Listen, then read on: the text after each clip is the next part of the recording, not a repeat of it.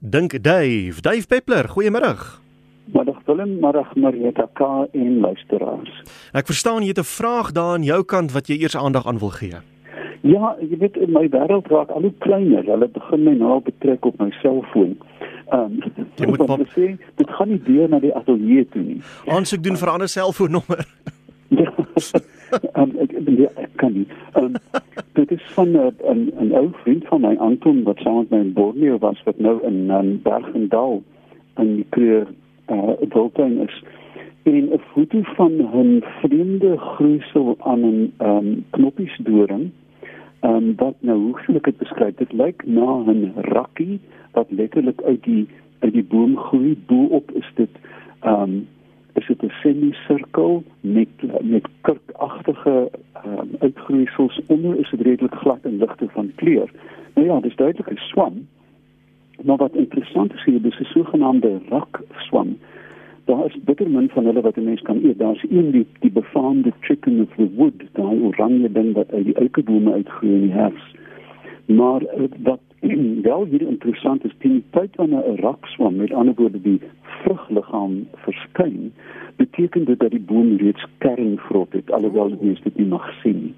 Um so met enige lewende boom waar jy hierdie rakagtige uitgroeisels het, moet jy weet die boom se daar is. Sal so aankom jy kan tot sien sê ek weet nie of die boom volgende jaar nog daar gaan wees nie.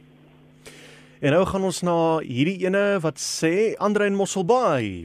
Suikerbekkies kom dikwels hier by my huis en dan druk hulle hul snavels in die gleefies tussen die fascia boards en ander gleefies.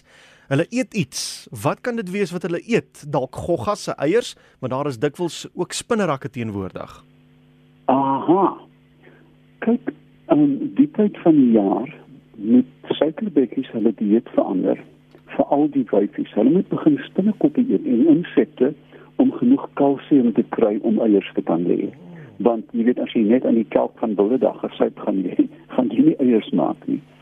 Um en dan ook wat interessant is dat baie van die kleiner en ek vermoed hy verwys hier na die na die um die uh dan moet ek die Engels bedink die lesser double collared en daar's die groter double collared wat ook daar voorkom en hulle gebruik spinnerakke om nuusmateriaal aan mekaar te plak. Byna soos 'n kolibrie, soos die hummingbird. So, dis 'n kombinasie van dinge. Hulle soek dalk iets om te eet om te kan kalsiumreserves opbou, die wyfies veral, en dan die mannetjie um, is dalk besig om nes te bou en soek materiaal. Interessant. Hierdie een kom van Denise in Alberton. Ek het onlangs twee stringe lintwurms van so 3 cm lank in die voelwaterbak gekry. Kom dit van die geveerde vriende af en hoe oordraaglik is dit en is daar enige raad moet ek iets daarmee doen?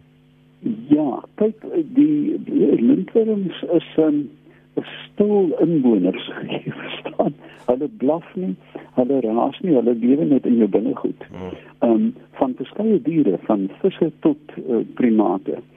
En ek sou dink ja, daar die voels het dalk 'n infeksie, hulle is geïnfekteer met lintworms en dan wanneer die lintworm sy volwasse stadium bereik, breek stukkies van die langworm af en dit word in die uitwerpsels dan uh, na buite geskei waar dit dan wag om weer opgevreet te word deur iemand anders. Met ander woorde, indien die worm nog kriebel, gaan Jan Frederik verbykom dit oppik uh, en dink is kos en dan het hy 'n nuwe bywoner. So ek dink die eerste stap is om die voëls in die hok te behandel teen lintworms. Dit is goed jy die water gooi, akses sal beter wees. Maar ja, ehm um, dit is nie ongewoon om dit byna in enige lewende dier te kry nie.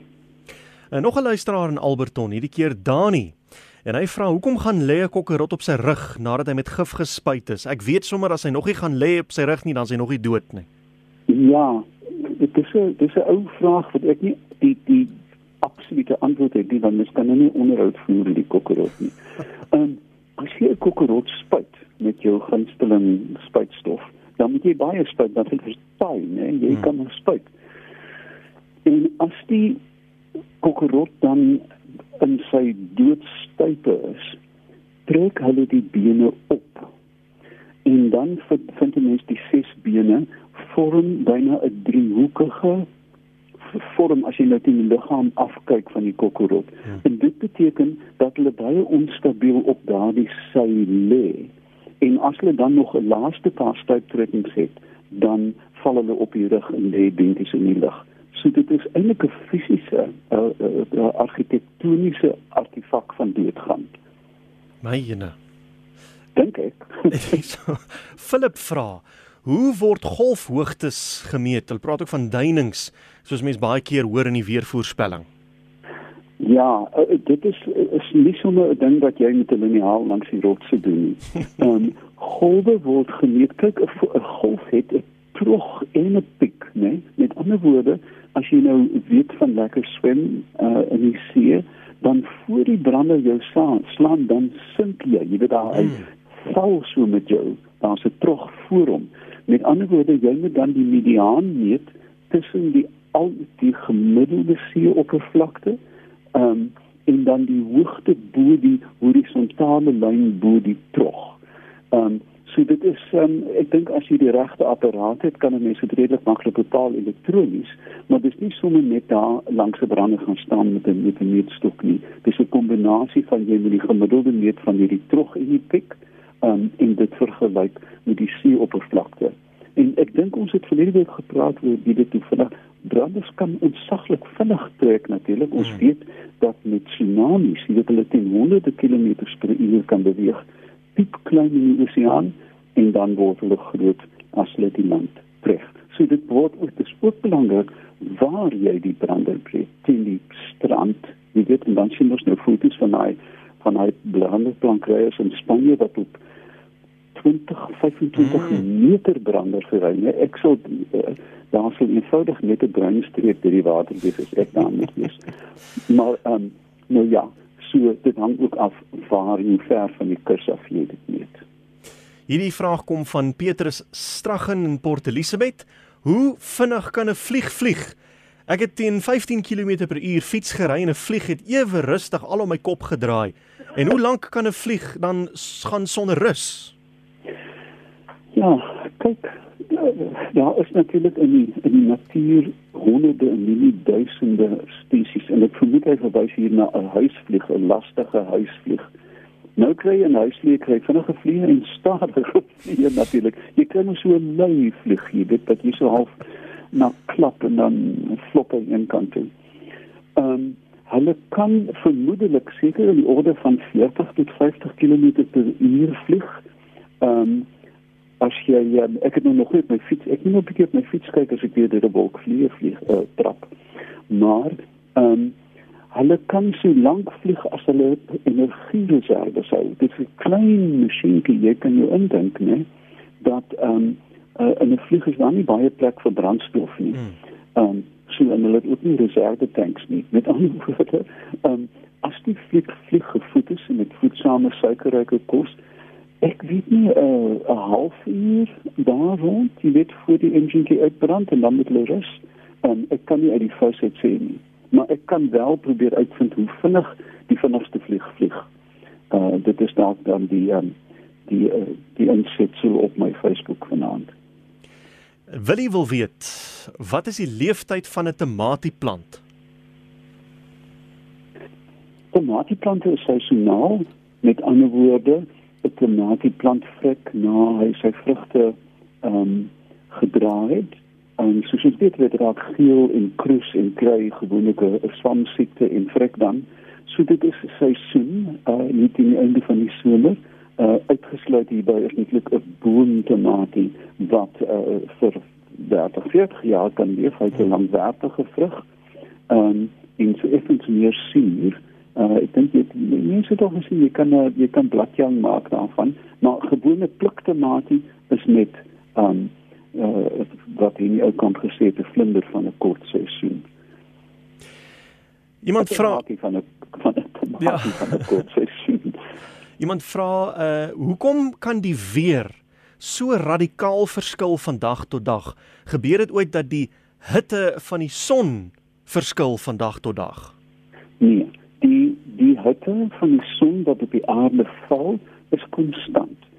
Daar's klein meetbare verskilletjies met sonstorms byvoorbeeld, maar dis partikulêr, dis nie noodwendig in die infrarooi band nie.